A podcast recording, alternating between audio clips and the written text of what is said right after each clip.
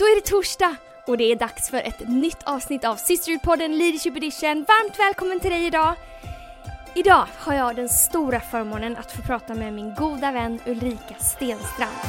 Ulrika är journalist i grunden, men hon har jobbat i många, många år nu eh, tillsammans med sin man Per-Johan som pastor i kyrkan Life Center. Och idag pratar vi om någonting som är otroligt viktigt i ledarskap.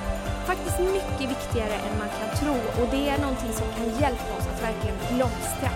Vi pratar om vänskap i ledarskap.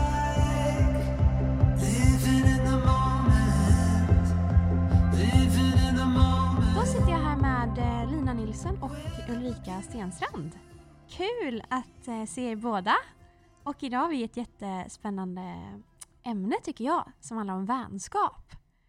Eh, så om vi ska börja med, hur länge har ni varit vänner? Eller hur länge har ni känt varandra?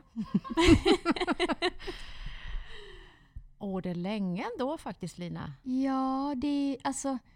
15 år kanske? Kan så? Ja. Eller? Mellan...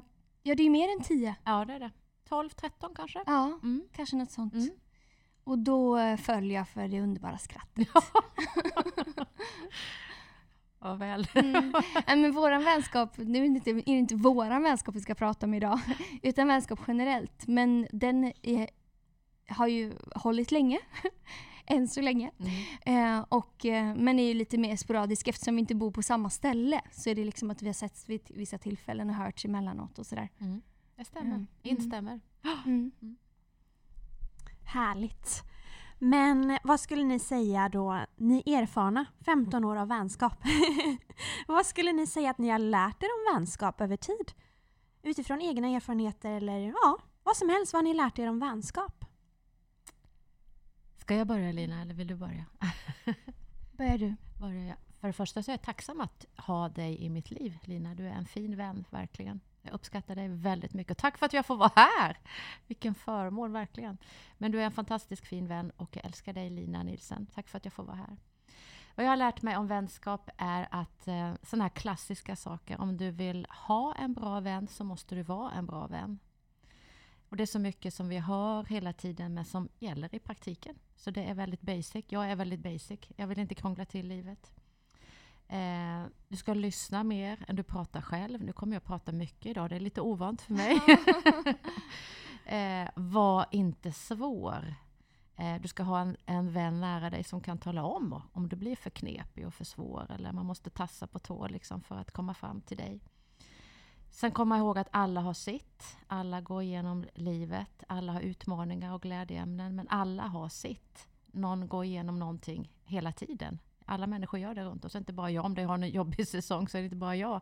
Utan det gör mina medmänniskor också.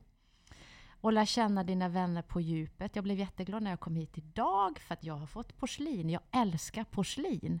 Det visste Lina, eller jag har tagit reda på det, men du Mm. visste det tror jag. Och jag älskar det här lilla, att man ser de lilla små detaljerna. Också att man när man lär känna en vän, hur ser familjen ut? Eh, jag frågade lite om dig om, om idag, Fanny, var du kommer ifrån. Eh, det är ändå roligt att ja, vad heter dina föräldrar, syskon? Man lär känna varandra. Det är också vänskap, att man bryr sig om helheten. Hur växte du upp? Eh, jag tycker det är intressant. Till exempel, jag vet om Lina att hon hade många perioder i Afrika. Mm. Eh, vad är favoritmaten, favoritfilmen? Eh, vad älskar mina vänner? Jag vill göra sånt som gör dem glada. Att inte bara köpa en blomsterbukett. Även om man gillar blommor, att man tänker till när man köper presenter. Jag älskar att ge bort presenter. Ja, du är så fruktansvärt bra för det. Jag har också fått present idag. Ja, Tack. Men det var ju inte så mycket, men det blir mer nästa gång. Och sen brukar jag tänka också att eftersom jag är frälst och går med Gud, om någon gång just till exempel Linas namn svischar förbi i mitt huvud, då tror jag att det är den heliga Ande som lägger det i mitt hjärta. Att, men då skickar jag en uppmuntran. För det behöver alla. Alla mina vänner behöver uppmuntran och det behöver jag med. Det är en bra vän, hoppas jag och tror jag. Ja, men det du beskrev ju Ulrika Stenstrand där. ja, Ja, men verkligen. Ibland kan man tänka att vänskap sker bara av sig självt. Mm. Men när du pratar så låter det som att man behöver verkligen, det är som att plugga. Mm. Eller man behöver investera in i det och ta Mm. reda på Mm. det. Och Mm. hur vet du vilka vänskaper som du har eh, som du ska lägga mer tid på, typ att fördjupa. Mm. Men det är ju en vänskap också som ger mig någonting. Så tror jag att man kan vara trevlig mot alla människor, även om inte jag är djup vän med alla människor. Jag brukar tänka på en, eh, en berättelse i Bibeln som har betytt väldigt mycket för mig. Det är när den unga Maria som blev mamma till Jesus möter sin kusin Elisabet som var äldre då när hon blev med barn med Johannes döparen. Det var en äldre kvinna som mötte en ung kvinna. Två, de bar på två mycket speciella barn. Och det står i Lukas 1.41, när Maria kom till Elisabet så spritte bebisen i Elisabets mage till av glädje. Och jag tycker det är en fin bild på när vi träffar varandra, om det liksom, någon blir glad, om jag lyfter ett rum när jag kommer, eller om rummet blir lyft och ljust och fint när jag går därifrån. Det hänger ju på mig. Mm. Min personlighet är ju mitt ansvar. Sen har jag också, när jag tänkt mig liksom med vänner, det, det, det visar sig Man måste ge allting tid. Gamla vänner kan man inte få om man inte vårdar de man redan har. Nu är jag 56, nybliven 56-åring och är tacksam för vänner som jag växte upp med. Barndomsvänner kvar i mitt liv i Karlskrona där jag växte upp. Men sen får man också vänner längs med resan. Så är det. Det hänger på mig och min personlighet. Det är mitt ansvar. så mm. är det. Mm. Vad skulle ni säga att ni uppskattar när det kommer till vänskap? Men du var ju inne på det lite grann Ulrika. Att vänskap är när båda ger någonting mm. till varandra. Mm. Så det, det, är en sak att vara vänskaplig kanske. Mm. Och som ledare, vi pratar ju om mm. led, äh, vänskap och ledarskap idag. Mm. Så är man ju vän, vänlig mm. mot alla och liksom ger och, och, sådär. Men det är ju de relationerna, de vänskapsrelationerna som jag uppskattar är när man får någonting tillbaks. Att båda ger och liksom investerar in i det. Sen uppskattar jag ärlighet. Men en sak som jag uppskattar med dig är ju, och som jag tror också en stor del av vårt, eh, vår vänskap är ju att vi, att vi delar samma tro mm. och att vi delar samma passion. Mm. Liksom för leva för människor och bygga kyrka. Och, och det, så måste ju inte alla vänskaper vara. Men ibland så, som ledare så känns det skönt att ha andra vänner som också är ledare mm. och som kan förstå. Um, ja. Det är så rätt. Det är, eh, jag har ju 25 års erfarenhet av ett annat jobb. För det här är också ett jobb när man är pastor. Men eh, i alla tjänster när man är ledare så kan det vara ensamt ibland. Så därför har jag, jag har också känt mig ensam ibland. Att jag har bestämt mig när jag kommer in i ett rum, om det är ett litet rum med få människor eller om det är en stor konferens, så går jag alltid fram till dem om det är någon som står och känner sig ensam. Sen vet ju inte jag vem det är, men det kan bli en vän för livet. Men just det mötet, om någon känner sig ensam och någon kommer fram, det glömmer man inte.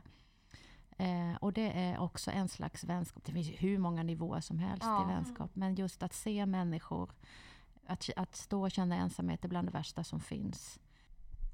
Ja, verkligen. Ibland, det är ju liksom en dimension av vänskap, eller vänskap och ledarskap, att man träffar någon längs vägen, mm. eller stöter på någon i foajén, eller eller liknande. Men har ni någon gång tänkt eller behövt vara strategiska när det kommer till att bygga vänskaper eller kanske till och med pinchpointat någon som bara mm. den där personen behöver jag lära känna eller den där vill jag veta mer om eller bara tänkt strategiskt kring om den där personen vill jag verkligen ha i mitt liv som en vän eller ja.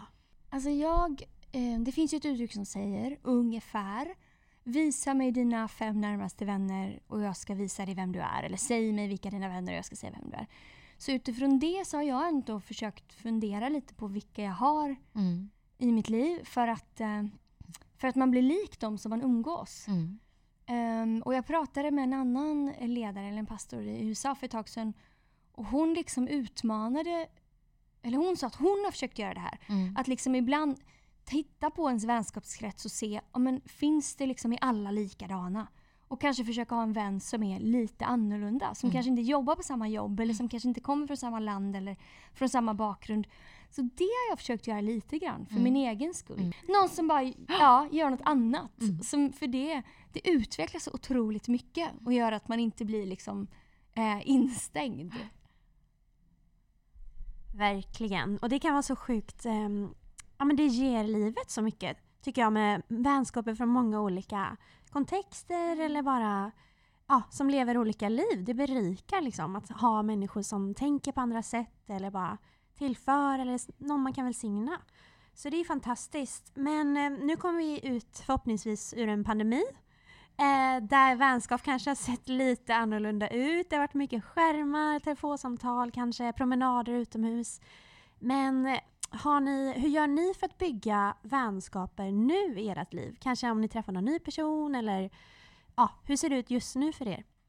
Ja, nu har det ju varit mycket telefonsamtal faktiskt. Att förra hösten försökte ringa runt mycket i vår kyrka och ringa runt med mina vänner och kolla av hur mår ni, hur går det? Då kom, jag kan tala om att iPhone har en, en liten ja, resurs på något vis. Och helt plötsligt kom det “You've been talking too much in the phone” hörde jag helt plötsligt i örat. Ja, det är sant! Ja, det är sant. Det har jag aldrig hört, Nej, jag, jag, ligger efter. ja, precis. Okej, okay. I'm slowing down here. Vem var det som var with Holy Ghost? Kommer, I promise you. Ja. Men, men det, det, det, man får försöka lyfta. Var det heligande eller var det Siri? Ja, jag vet faktiskt inte. Jag visste, det var helt ofattbart. Jag sa till början, det är inte sant, jag har talat för mycket i telefon. Det kom helt plötsligt i mina sådana här små, små lurar. Ja. It's true.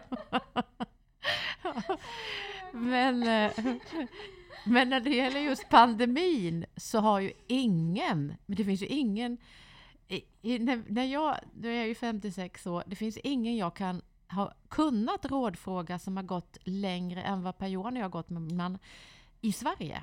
Så att hela tiden har vi fått sträcka oss ut ganska tidigt i vår tjänst globalt att titta på de som har gått före. Och då är det inte så många här i Sverige utan det, då får man titta liksom utöver, utöver världen. Och det tycker jag har varit viktigt också nu, i den här, för vi har gått igenom det här på ett väldigt jag ska inte säga enkelt sätt i Sverige, för det har varit jättetufft för jättemånga, inte minst de som jobbar inom sjukvården. Men det har varit en lockdown på annat, annat sätt i, i många, många andra länder.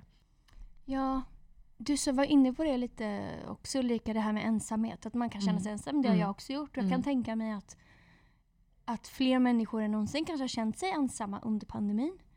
Uh, och då är det väl bara bra att veta från början att det är inte att det inte är något fel på en själv bara för att man kanske inte har vänner Nej. eller har, har så mycket vänner. Utan det är väldigt lätt att det blir så. Om man isolerar sig eller mm. om man går in i en ny säsong mm. eller om man flyttar till en ny stad. Och jag har liksom haft säsonger i mitt liv där, man, där jag har bara haft, okej, okay, nu känner jag mig ensam här. Mm. Nu behöver jag göra någonting åt det.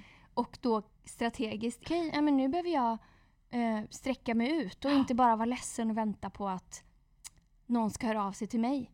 Um, så det, det kan ju hända alla. Och jag försöker utmana mig själv att inte bara stanna vid de vänner jag har. Alltså jag vill ju behålla dem, mm. men också ibland som du säger Ulrika, så här, våga investera in i nya. Mm. Inte tänka nu är det us four and no more, och nu nej, har nej. jag mina vänner och nu vi har ju våra middagar. Utan liksom, för min skull, så här, mm. investera in i mm. nya, vem som helst. Så att, får man se vart det leder. Att vara med i en kyrka är en otrolig rikedom vilket nätverk man mm. får. Alltså fantastiskt när man flyttar eller byter jobb eller det finns eh, och olika generationer. Det är unikt det som finns i kyrkan. Det är fantastiskt och det är vackert.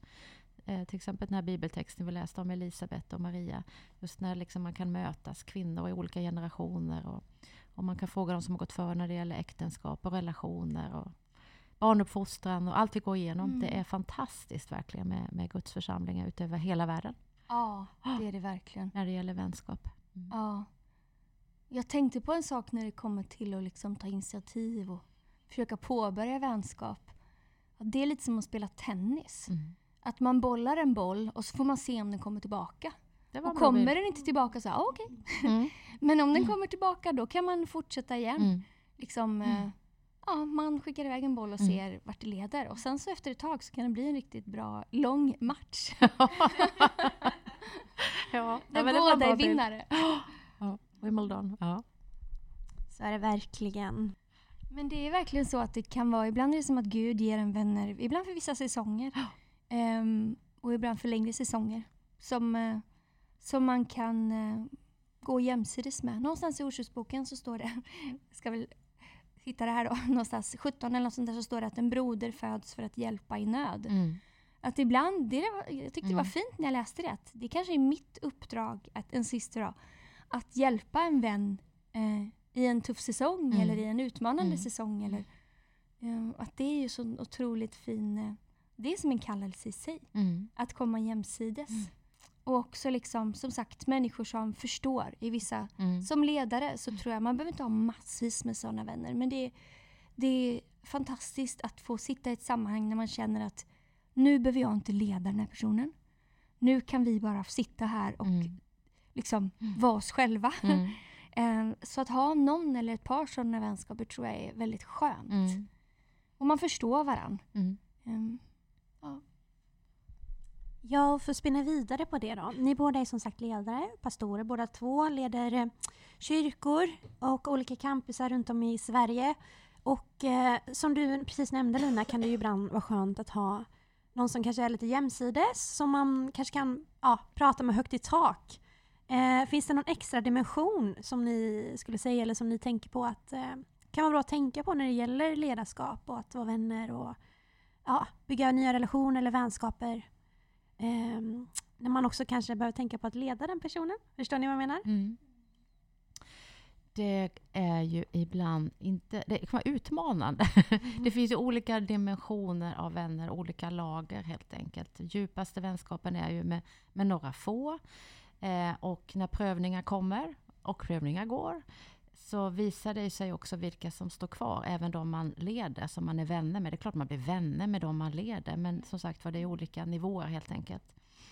Eh, men eh, i alla fall för mig personligen, om jag inte så att säga får någonting tillbaka, även om de jag leder och då är jag också vän med, precis som du sa med tennismatchen, då eh, håller jag det lite svalare. Då, då backar jag lite grann. Och som min pappa brukar säga, då lyfter jag på hatten ibland och går vidare. Även om de kanske tror att oh, vi är jättenära vänner, så räcker det att jag vet att nej, men det är vi egentligen inte. Men det stannar där. Man behöver inte alltid fördjupa sig eller grotta ner sig för mycket svårigheter. Utan jag vet att det är på en viss nivå.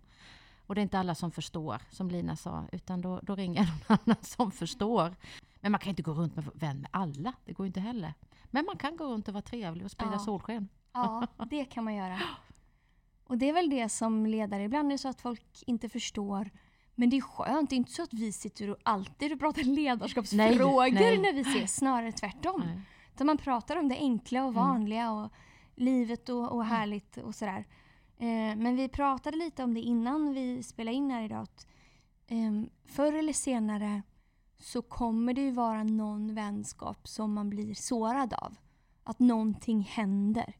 Antingen någon som man leder eller någon som man tänkte nu kommer vi ska alltid springa jämsides hela livet för vi har, liksom man tror det. Mm. Och sen så visar det sig att den här personen väljer en annan väg Mm. eller sviker en eller någonting händer. Mm. Ehm, och utmaningen är ju då att man kanske inte vill dela det med hela världen som ledare men också att man ska att, att våga att våga öppna upp sig för, För någon. för någon igen och vara sårbar. Mm. Även om man vet att det kan hända att den här personen sviker mig någon Mm. gång. Ehm, Det har varit en av, av mitt livs och är mitt livs största utmaningar och som har träffat mitt hjärta. Därför att jag känner inte igen mig med det. Det finns ett uttryck i Sverige som säger på sig själv känner man andra. Men det har varit många människor, eller en del, inte många, som har gjort saker som jag känner, nej men det skulle jag aldrig göra. Jag vill inte svika, jag vill inte tala illa. Eh, men det ingår i livet. Det är inte hur man har det utan hur man tar det. Det är ett gammalt ordspråk det också.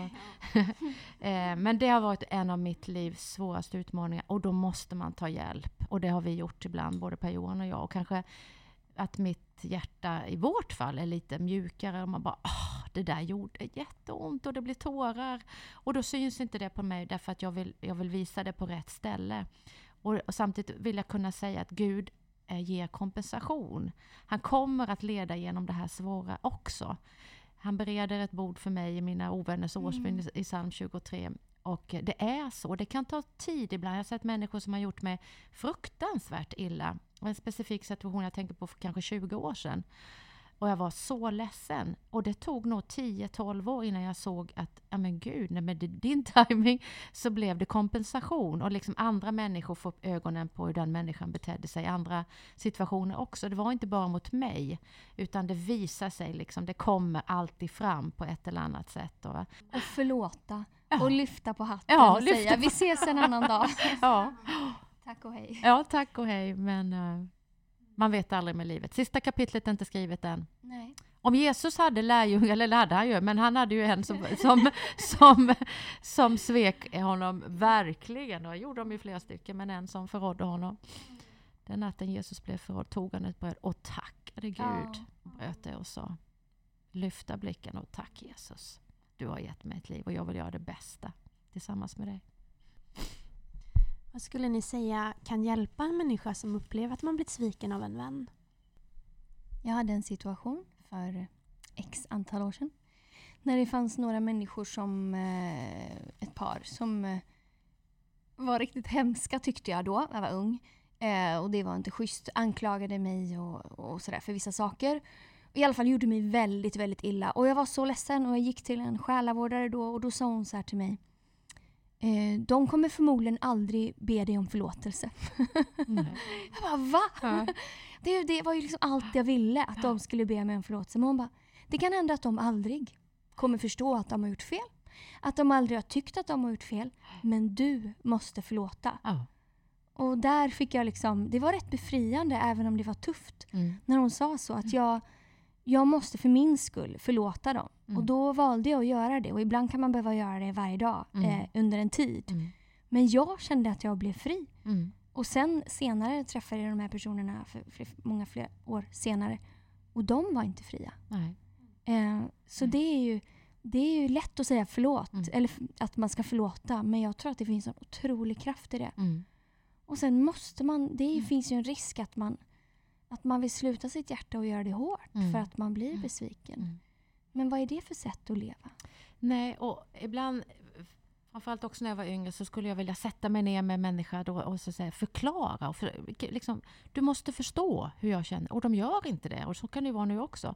Och då får man lyfta på hatten igen. Mm. För det, jag kan inte med mina ord ibland få människor att förstå om de har gjort illa mig eller någon annan. Utan då får man ju också absolut ta hjälp av liksom den helige Ande, käre Jesus, liksom kom med frid in i den här situationen och skicka andra människor in- in i deras väg. Och framförallt får man också se, som du träffar de här människorna långt senare, och se att det finns ett mönster i deras liv. Och det mönstret vill du inte ha i ditt eget liv. Mm. Utan man vill ju leva i förlåtelse och lyfta på hatten och, och gå vidare. Det är inte lätt, men det är rätt. Ja. Och eh, när man är med om sådana här svåra infekterade situationer så lämna det i tid. Att man inte ältar för mycket utan att eh, göra sitt bästa. Sen kommer man också se vad det är för mönster. Ge liksom allting, om det är en svår situation, ge det tid. Mycket, mycket tid. Och, och behöver du hjälp i samtal, ta inte ett samtal utan du kanske behöver hålla på, inte vet jag, hela livet eller tio gånger. Eller, eller ge det tid, ge det tid.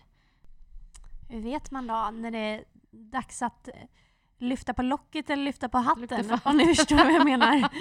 Hur vet man vilka strider, om man kan säga så, Ja. man behöver ta Mm. inom ledarskap och vänskap? Och eh, hur vet man när det är dags att lyfta på hatten, som vi säger?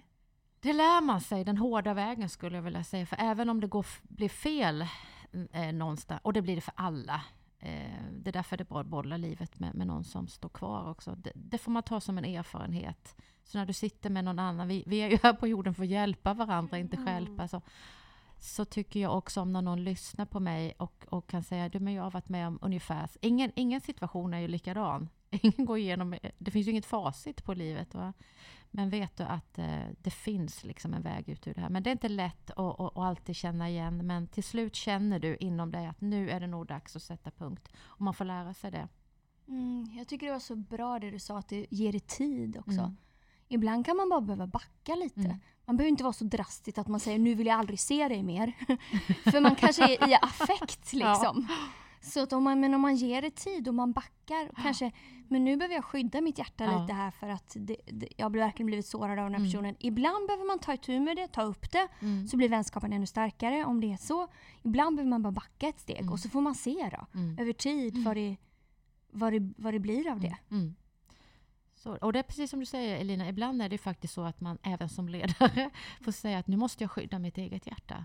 För det här sårat mig. Så att nu tar vi och sätter oss ner eh, den här gången. Men vi kommer inte ta fler samtal som det är nu. Men, men världen är liten och, och livet är kort och allt det här som vi vet. Så att vi vill ändå avsluta på bästa sätt. Men det där känner man. Så småningom lär man sig känna igen de signalerna. Tyvärr på ett sätt. Men allt är en erfarenhet. Det är bara så. The good and the bad. Ja, och Ja. vänskap är Ja. ändå värt det. Absolut. Och jag menar, de flesta av mina vänner finns ju kvar. Eh, så är det och jag är jätte, jättetacksam för det. Och, och det som de betyder in i mitt liv, talar in i mitt liv. Kan ni uppleva någon gång att en vänskap blir ja, nästan som ensidig? Kanske när man som ledare och är van vid att så in mycket i människor eller ge råd eller investera in i en relation. Kan, man, kan det nästan hamna så att man inte får någonting tillbaka? Förstår ni vad jag menar? Att det blir en, som en ensidig eh, vänskapsrelation? Så kan det absolut vara. Och då är det ju egentligen ingen vänskapsrelation. Utan då är det ju en monolog och en vänskap är ju en dialog. Nej, jag håller med. Då är det ju en del. Man kan ju vara vänlig och man kan vilja hjälpa människor. Men eh, ja, och för jag vet inte hur många år sedan. Men jag kände ett tag att vänskap var lite egoistiskt. Jag ville bara tänka på alla andra och vad ska jag, varför ska jag behöva få ut någonting? Men jag märkte att på sikt så behöver jag det. Jag behöver vänskap för min skull också. Så man kan ha människor som man hjälper men, men det krävs en dialog för Ja. att det ska vara någonting som ger in i ens eget liv också. Och är det en riktigt äkta vän då kan man ju säga, hörru du nu ser jag att du har fastnat. Det här Mm. tar mycket av ditt huvud, eller hur? Ja, det gör det. Ja, men då behöver du, jag hjälper dig vidare till den och den människan istället. För det finns hjälp att få. Så är det. Men, men en vän täcker ju inte allt. Nej. Det är faktiskt inte, jag vet inte, kan jag svara, alltså, jag får fortfarande mejl från kvinnor som är, skulle jag vilja säga, 40, 45, 47 och fortfarande vill ha en bästis. Och då tänker jag, hur tänker du nu? Mm. För man har inte en bästis på det sättet i den här åldern, eller i den åldern, jag är ju äldre än så, men man har inte det. Man har många vänner som kompletterar mig. Och, eh, och jag, jag vet inte, jag tycker inte ens man ska ha det på ett sätt när man är liten. Verkligen! Det var någon som sa till mig när det gäller vänskap, lägg inte alla ägg i samma korg. Nej. Don't put all the, all the eggs in the same basket. Att det är verkligen så. Man kan ha ett team av vänner som Ja. alla kompletterar Ja. och ger någonting. Det är bara en som gör mig hel och det är Jesus. Det är inte så att det är min pojkvän, eller min man, mina barn, mitt jobb, mitt boende, utan det är Gud som gör mig hel. Jag lyssnade på en, en predikan för många år sedan nu av en kvinna som idag kanske är 75-årsåldern. Hon, blev, ja, hon kan fortfarande bli gift, men hon blev aldrig mamma. Och när hon var i 40-45 års åldern så sa Gud konkret till henne You've been talking too much in the phone. Nej, jag bara skojar. Nej, då sa Gud till henne att eh, du, måste, du måste bli sams med det du inte får. Det är inte en man som kommer göra det hel. Det är inte om du blir mamma. Utan det är Gud som gör mig hel. Så otroligt bra. Och det finns ingen vänskap som gör det hel Nej. heller. Eller en bästa vän. Nej, nej men det, man lär sig jättemycket genom livet. Och i ökensäsongen lär man sig ju tyvärr nästan mest. Ja, men ska vi prata lite om eh, dynamiken i att leda en vän? Eller kanske bli ledd av en vän? Har ni eh, några tankar där eller har ni kanske upplevt detta själva och vad, eh, vad, eh, hur har det varit och vad har ni lärt er? Nu startade jag på våra kyrka Life Center, så att jag har ju alltid varit pastor eh, där. Men där jag jobbade innan jobbade jag inom media i 25 år och då hade jag en chefsposition där. Och när jag kom dit eh, efter några år så var, frågade min chef mig om jag ville bli chef för den avdelningen. Och då, hon som hade haft den positionen innan mig jobbade kvar och gjorde inte livet lätt för mig på något sätt. Och det som det lärde mig det var jag tänkte, sån vill inte jag bli.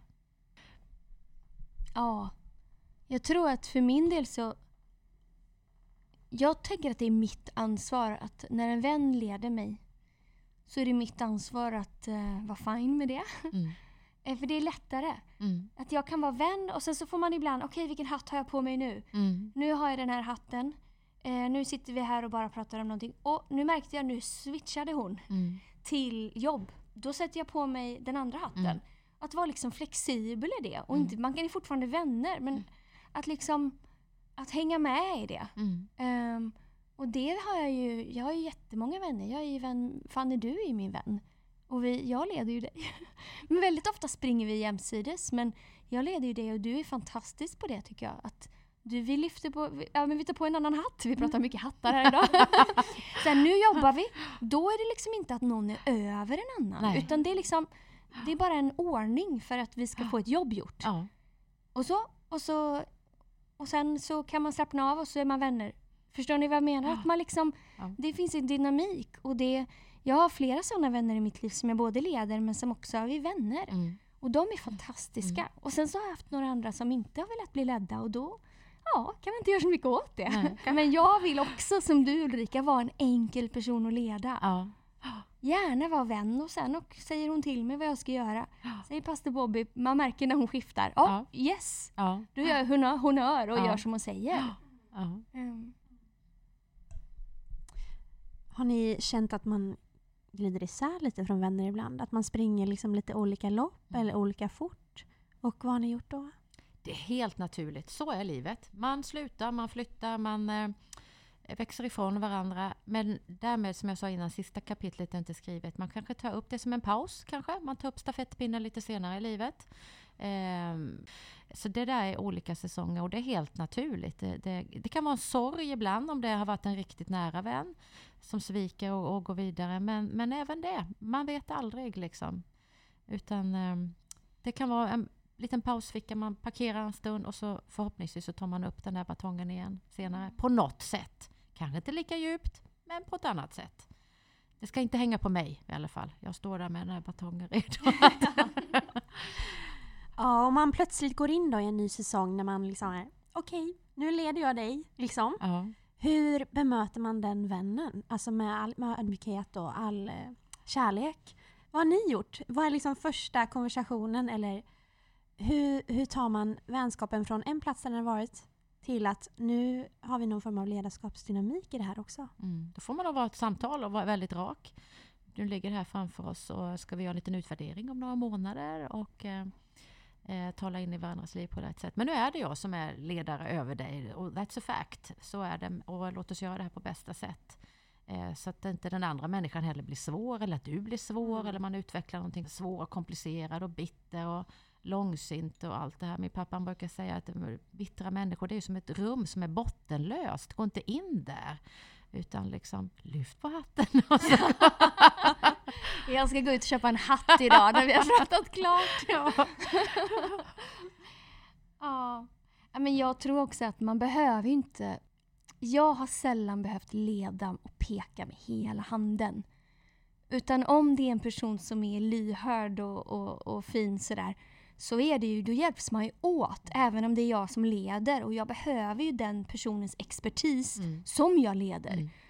Så man behöver inte känna sig osäker och peka med hela handen och så utan man, jag tror man vinner på att säga nu gör vi det här tillsammans, jag leder det här men jag behöver dig. Mm. Sen är det ju de här små rävarna ibland som kan smyga in Ja. i, eh, när man har jobbat med någonting och de får man bara försöka hålla koll på. Nu kom det lite räv, den tar vi bort, eller hur? Eller nu händer det och det, det vill vi inte ha här, eller hur? Så, som tar över liksom en hel, hela Mm. huvudet eller en hel vänskap eller en hel konferens. Eller, så det bara handlar om helt fel saker. Ja. Så att man får tänka sig för vad man själv fokuserar på helt enkelt. Ja, det är grymt bra. Och eh, jag tänker också med en, med en eh, bra ledare så känner man sig alltid liksom uppskattad och sedd på ett sätt. Så till exempel du Lina har ju aldrig behövt säga till mig, men förrän idag då kanske när vi pratade i podden, men typ jag leder dig. Det har alltid varit, det har alltid varit självklart liksom, för jag har känt mig så otroligt uppskattad av dig och jag har velat följa dig. Så det är ju också en, eh, en egenskap hos en bra ledare, att människor vill följa den. Och att det inte är några oklarheter på något sätt. Verkligen. Men om vi bara ska försöka runda av lite med... Eh, Lycka Lyfta på till! hatten! ska lyfta. Ja, jag vet vad bilden ska vara till det här eh, på sociala medier. Skrattade i en halvtimme. Ja. Ja. Men om ni skulle vilja säga något om vänskap då, till er själva för 30 år sedan eller 20 år sedan eller vad det nu kan vara.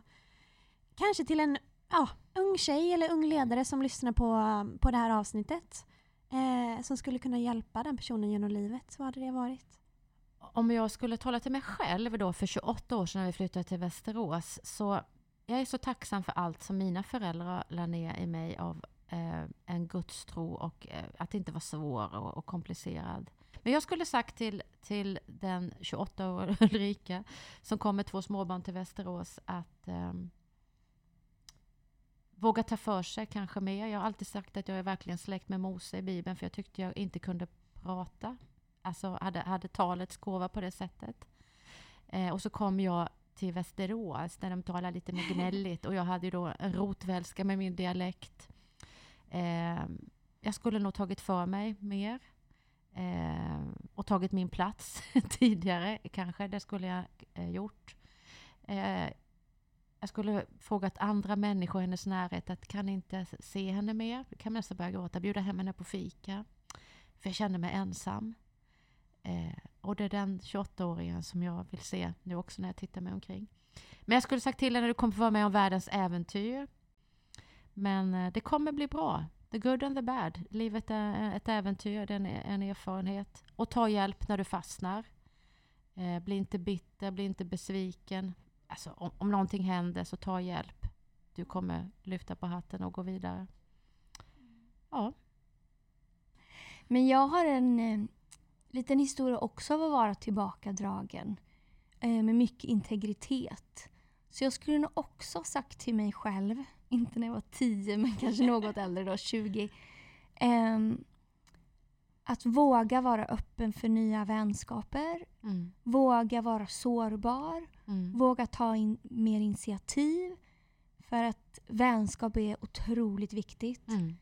Eh, otroligt berikande. Och det kommer eh, göra att du växer som person mm. väldigt mycket. Om man ska prata utifrån vänskap då. Mm. Ja. Det finns ju mycket som helst man ja. kan säga. Så ja. är det ju. Men, eh, och du kommer träffa en person som heter Ulrika Stenstrand. Hon kommer göra ditt liv mycket bättre! Ja, på min gravsten ska det stå hon skrattade ihjäl sig. Eller hon gick vilse. Hon hittade inte ens hit. You've been talking too much. ja, precis. You've been talking too much in the phone. Va?